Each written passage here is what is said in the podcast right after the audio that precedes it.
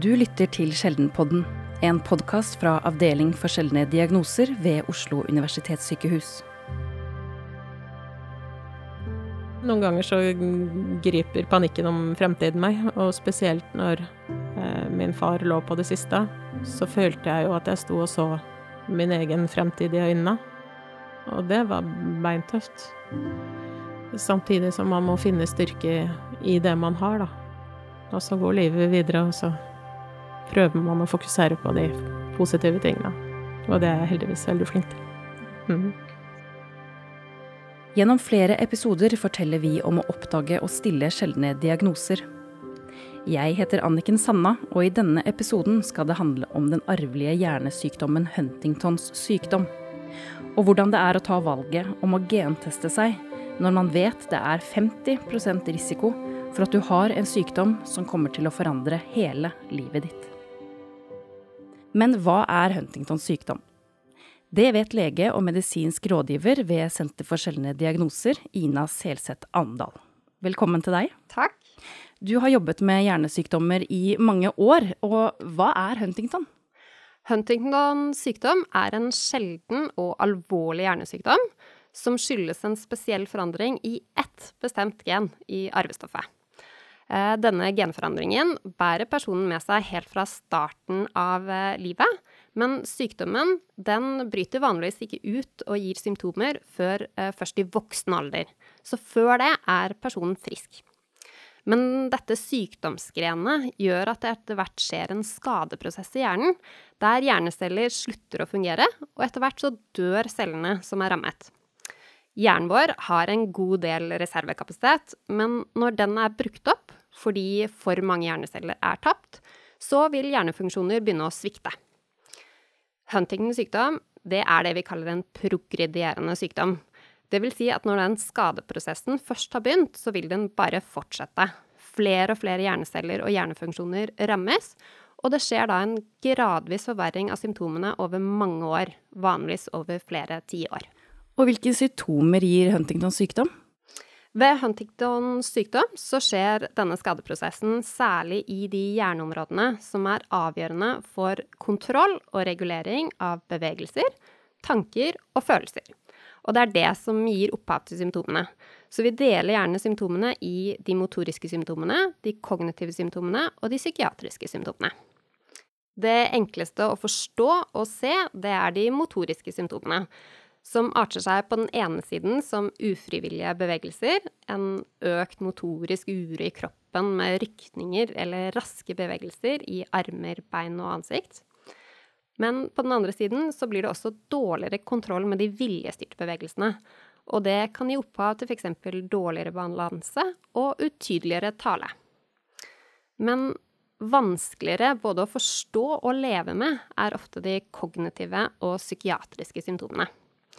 De kognitive symptomene ved Huntingtons sykdom kan arte seg som at tankeprosesser tar lengre tid, at det blir vanskeligere å skifte fokus, eh, og at det å planlegge og forstå konsekvensene av egne handlinger blir mer utfordrende.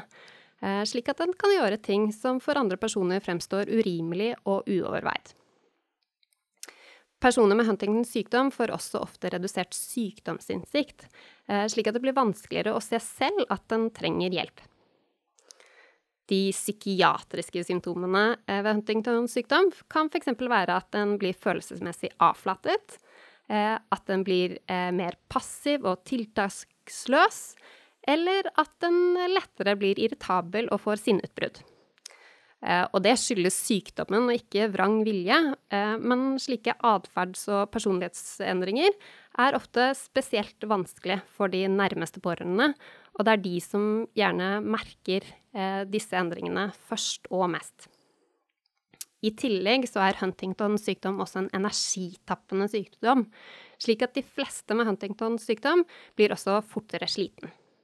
Og så er det viktig å understreke at det er stor individuell variasjon, både i utformingen av eh, symptomene og i hvilken alder symptomene starter. Og hvordan stilles diagnosen Huntingtons sykdom? Jo, når sykdommen har brutt ut, så stilles diagnosen ved en undersøkelse hos nevrolog. Eh, og så bekrefter man diagnosen ved å påvise forandringen i sykdomsgenet med det vi kaller en diagnostisk gentest. Men fordi Huntingtons sykdom er arvelig, så er det også mulig for friske slektninger å ta gentesten, og dermed få vite på forhånd om de kommer til å utvikle Huntingtons sykdom eller ikke.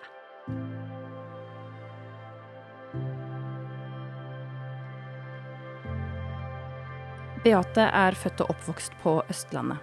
Hun kommer fra en normal familie og stiftet etter hvert sin egen. Men en dag så fikk hun beskjed om at det var Huntingtons sykdom i familien. Eh, først så tenkte jeg jo ikke så mye på det, jeg hadde jo aldri hørt om det. Eh, det var bare et navn. Eh, og etter ganske kort tid så begynte vi å google, både jeg og min mor. Og leste meg opp på symptomer. Og da forsto vi jo begge to med en gang at dette angår min far. Eh, det var min tante som hadde testet seg, og heldigvis så valgte hun å være åpen og fortelle om det videre. Og så fikk jeg en sånn følelse av at dette angår meg også. Veldig, veldig sterk følelse. Da var jeg eh, gravid med barn nummer to. Og vi hadde ventet i syv år, og lykken var stor. Og så kommer dette plutselig. Så det var, eh, det var ganske sprøtt.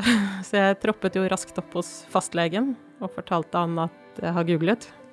Og jeg vil finne ut om jeg er genbærer eller ikke. Og heldigvis så tok han meg på alvor, da. Det er jo ikke gitt at man gjør det. Altså, man har googlet, ikke sant. Og så sier jo fastlegen med et glimt i øya at du vet at dette er en veldig, veldig sjelden sykdom. Men han tok meg på alvor og henviste meg videre, sånn at jeg kom til og fikk lov å ta denne testen, da.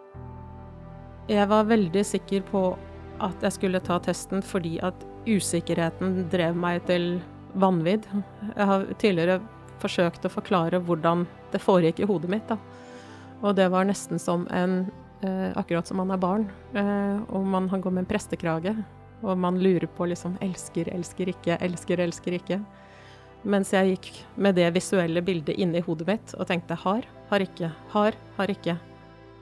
Og det Ja. Jeg måtte bare, måtte bare ha et svar. Beate var sikker på sitt valg om å ta en gentest. Siden Huntingtons sykdom er en arvelig tilstand, er denne gentesten den eneste måten å finne ut om man har arvet genet som fører til at man kommer til å få sykdommen. Sissel Egedal, du er bioingeniør og genetisk veileder ved Senter for sjeldne diagnoser. Og du har vært med på å veilede flere personer som har ønsket å teste seg for Huntingtons. Sissel, kan du forklare hvordan dette med arveligheten for Huntingtons fungerer? Det er slik at det Huntingtons sykdom følger det vi kaller autosomalt dominant arvegang. Det betyr at hvis man har en forelder som har Huntingtons sykdom, så har man selv 50% sannsynlighet for å få Huntingtons sykdom.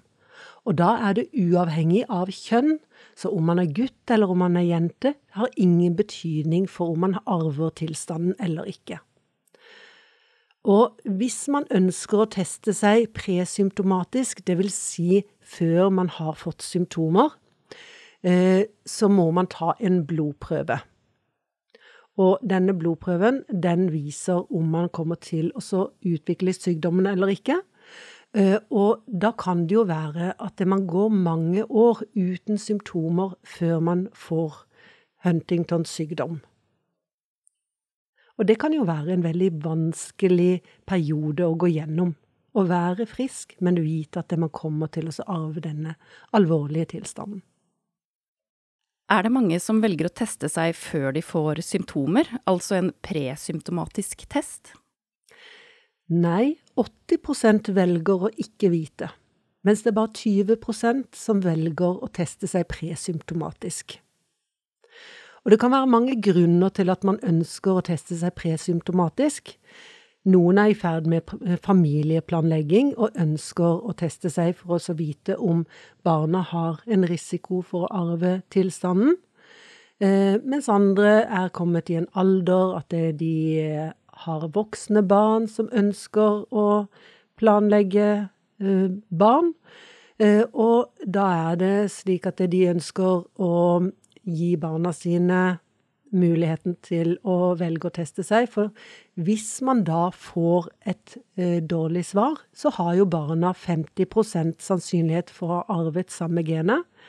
Mens hvis man får et godt svar, så er jo det null i risiko. Altså da har man jo tatt bort risikoen for barna sine. Så hvis man ikke har eh, arvet genforandringen for Huntingtons sykdom, så kan man heller ikke gi det videre. Så det er veldig mange ulike grunner til at man ønsker å teste seg presymptomatisk. Og dersom man da velger å teste seg, hvordan fungerer det? Dersom man velger å teste seg presymptomatisk for Huntingtons sykdom, så må man henvises til et av de tre eh, store universitetssykehusene som har medisinsk-genetisk avdeling. Og man må gjennom tre samtaler før man får svaret. Den første samtalen den er en eh, kartleggingssamtale hvor man først går gjennom informasjon om tilstanden. Man snakker om hva det vil si å få et dårlig svar. Eh, det er for å sette i gang en prosess eh, hvor man skal forberede seg på det dårlige svaret. Man snakker også om familiehistorien. Hvem er det som har hatt tilstanden tidligere? Slik at det man da vet litt mer om familien, og kjenner den personen som ønsker å teste seg, noe bedre. Den andre samtalen, da snakker man litt om det samme som i den første samtalen. Man hører hvordan har det gått, har de tenkt en del på det som ble sagt forrige samtale, og hvis man fremdeles ønsker å teste seg, så kan man ta blodprøve til testen nå. Og det er viktig å vite at det Uh, uansett hvor langt man har kommet i prosessen, så kan man avbryte prosessen. Bortsett fra etter at man har fått svaret, så kan man jo ikke ta bort det svaret. I den tredje samtalen, her får man svaret. Det er svarsamtalen. Den blir ofte veldig kort, for da har man nok med å fordøye svaret. Men når man kommer til samtalen, uh, så spør uh, de som har fulgt gjennom prosessen, om man ønsker svaret. Her kan man fremdeles avbryte og så si at det er nei takk, jeg vil ikke ha det svaret. Men eh, når man har fått svaret, så har man gjerne en del eh, tanker og følelser som man trenger å fordøye på egen hånd. Ja, for hvordan reagerer man når man eh, får et dårlig svar? Det er veldig ulikt, men de fleste ble jo selvfølgelig veldig lei seg. Noen begynner å gråte, andre sier at det, ja, dette hadde de ventet. Mens det er noen som reagerer med vantro. Det er heldigvis veldig få, for det er jo derfor vi har denne prosessen, for at man skal, eh, man skal forberede seg til det dårlige svaret. Selv om det er 50 sannsynlighet for å få det god også. I denne prosessen så oppfordrer vi til å ha med en støtteperson. Det skal helst ikke være en risikoperson som har eh, en sannsynlighet for Huntingtons sykdom selv, men det skal være en som kan være til støtte i denne prosessen, som er en vanskelig prosess. Tilbake til Beate, som hadde snakket med legen hennes om at hun skulle teste seg. Etter at testen var tatt, kom ventetiden på svaret. Har, har ikke. Har, har ikke. Det føltes ut som en evighet for Beate. For meg så var hele den perioden fra jeg fikk den usikkerheten, den første usikkerheten, og til jeg hadde et svar, var vel den verste perioden i mitt liv. Jeg syns det var helt grusomt å leve med den usikkerheten. Uh, og heldigvis så fikk jeg komme gjennom det testforløpet raskere enn hva mange andre får, da, fordi at jeg var gravid, og fordi at man kanskje trodde at vi ville vurdere å enten ta en fostervannsprøve eller eh, potensiell abort. Da. Så derfor kom vi raskt til, og fikk raskt, eh, relativt raskt svar, selv om det føltes ut som en evighet for meg. eh, så når jeg fikk vite at jeg er genbærer, så bare følte jeg en sånn lettelse over å vite svaret. Egentlig ikke noe annet så hele usikkerheten ble borte. Og jeg hadde noe jeg kunne forholde meg til. Så følte jeg jo også at jeg hadde fått et svar på vegne av min far, som hadde valgt å ikke teste seg For dette var jo mitt løp og min avgjørelse og noe som var viktig for meg. Så det første jeg gjorde etterpå, det var jo å ringe hjem til han og fortelle av ren kjærlighet at eh, nå har jeg fått svaret, jeg er genbærer, og det er du òg.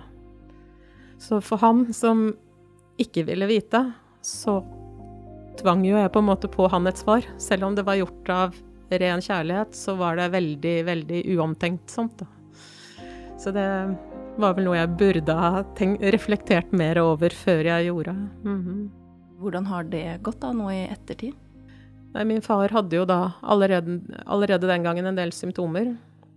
Uh, og han hadde jo ikke fått forberedt seg på samme måte som jeg nå har muligheten til å gjøre. Sånn at eh, han ville ikke vedkjenne seg sykdommen. Han ville ikke ta testen, og han tok aldri testen. Uh, men jo, fikk jo diagnosen etter hvert. Og døde jo da også for et år siden med sykdommen, og ikke av. Mm. Beate fikk altså et dårlig svar. Hun har genet som fører til Huntingtons sykdom. Og da måtte Beate snu om på livet og sette seg inn i hvordan denne kunnskapen vil påvirke resten av livet hennes. Mm, fortsatt så var jo Huntington ganske nytt for meg, så jeg visste jo ikke så mye om sykdommen, annet enn det jeg hadde googlet meg fram til. Uh, og jeg var ikke klar for å gjøre noe mer. Det første jeg gjorde sånn når jeg kom hjem, var vel å uh, google litt til.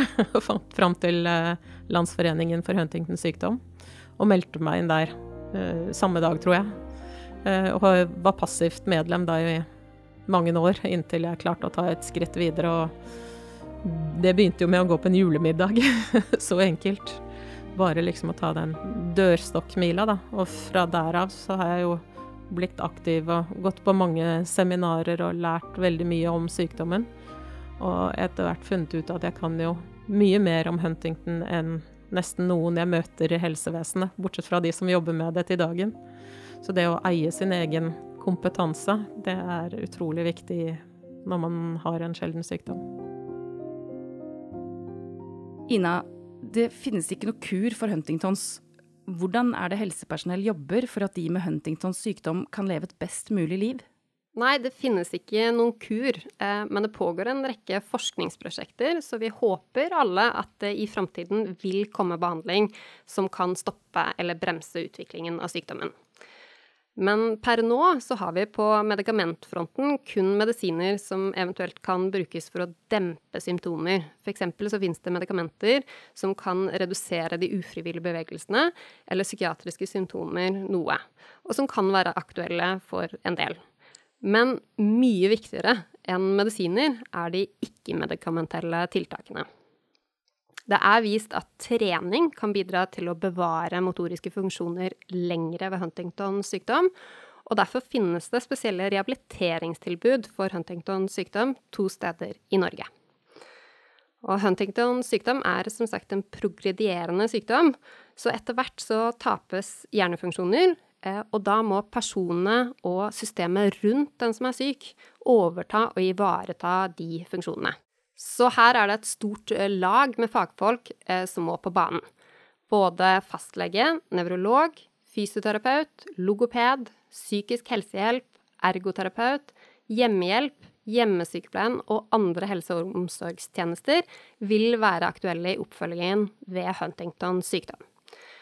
Så når sykdommen bryter ut, eh, så bør det opprettes en ansvarsgruppe rundt personen for å koordinere disse hjelpetiltakene best mulig. Og Huntingtons sykdom er en sjelden sykdom, så de færreste helsepersonell har så mye erfaring med sykdommen fra tidligere.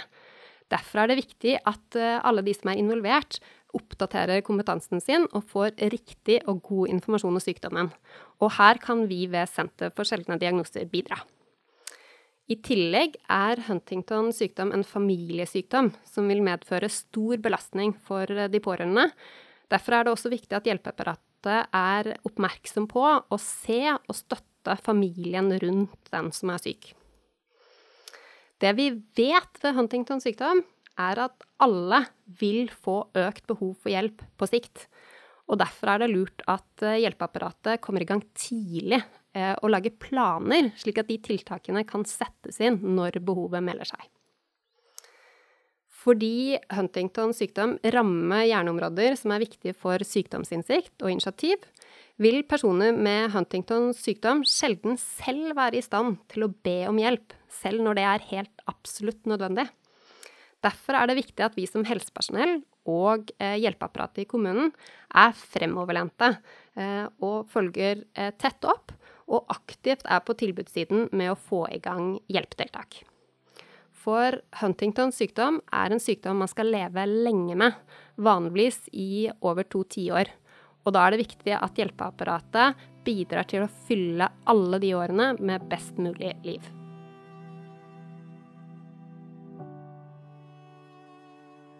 Det er tolv år siden Beate fikk vite at hun har genfeilen som fører til Huntingtons.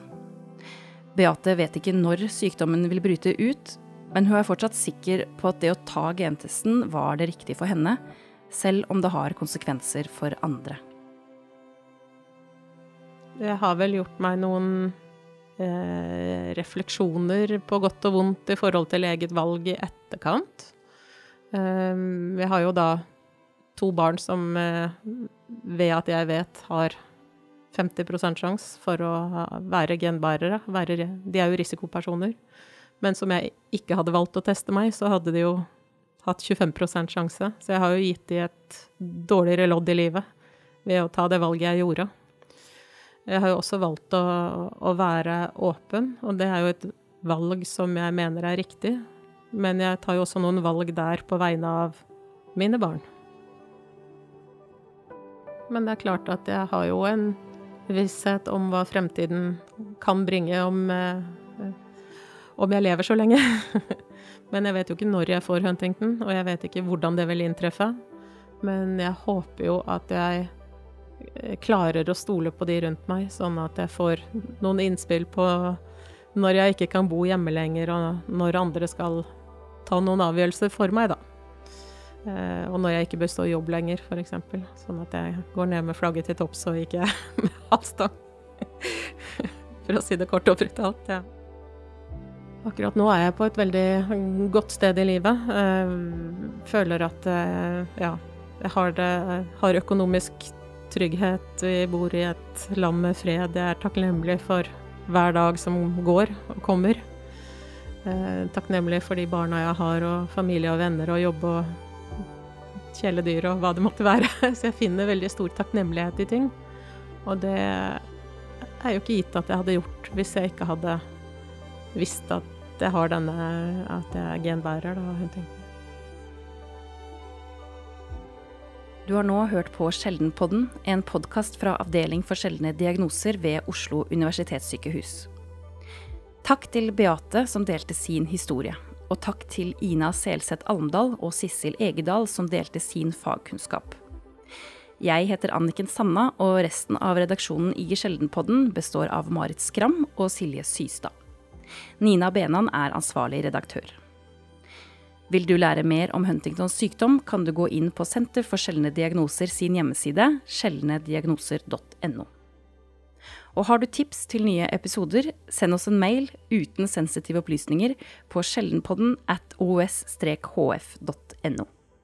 Og følg oss gjerne på Facebook. Vi høres!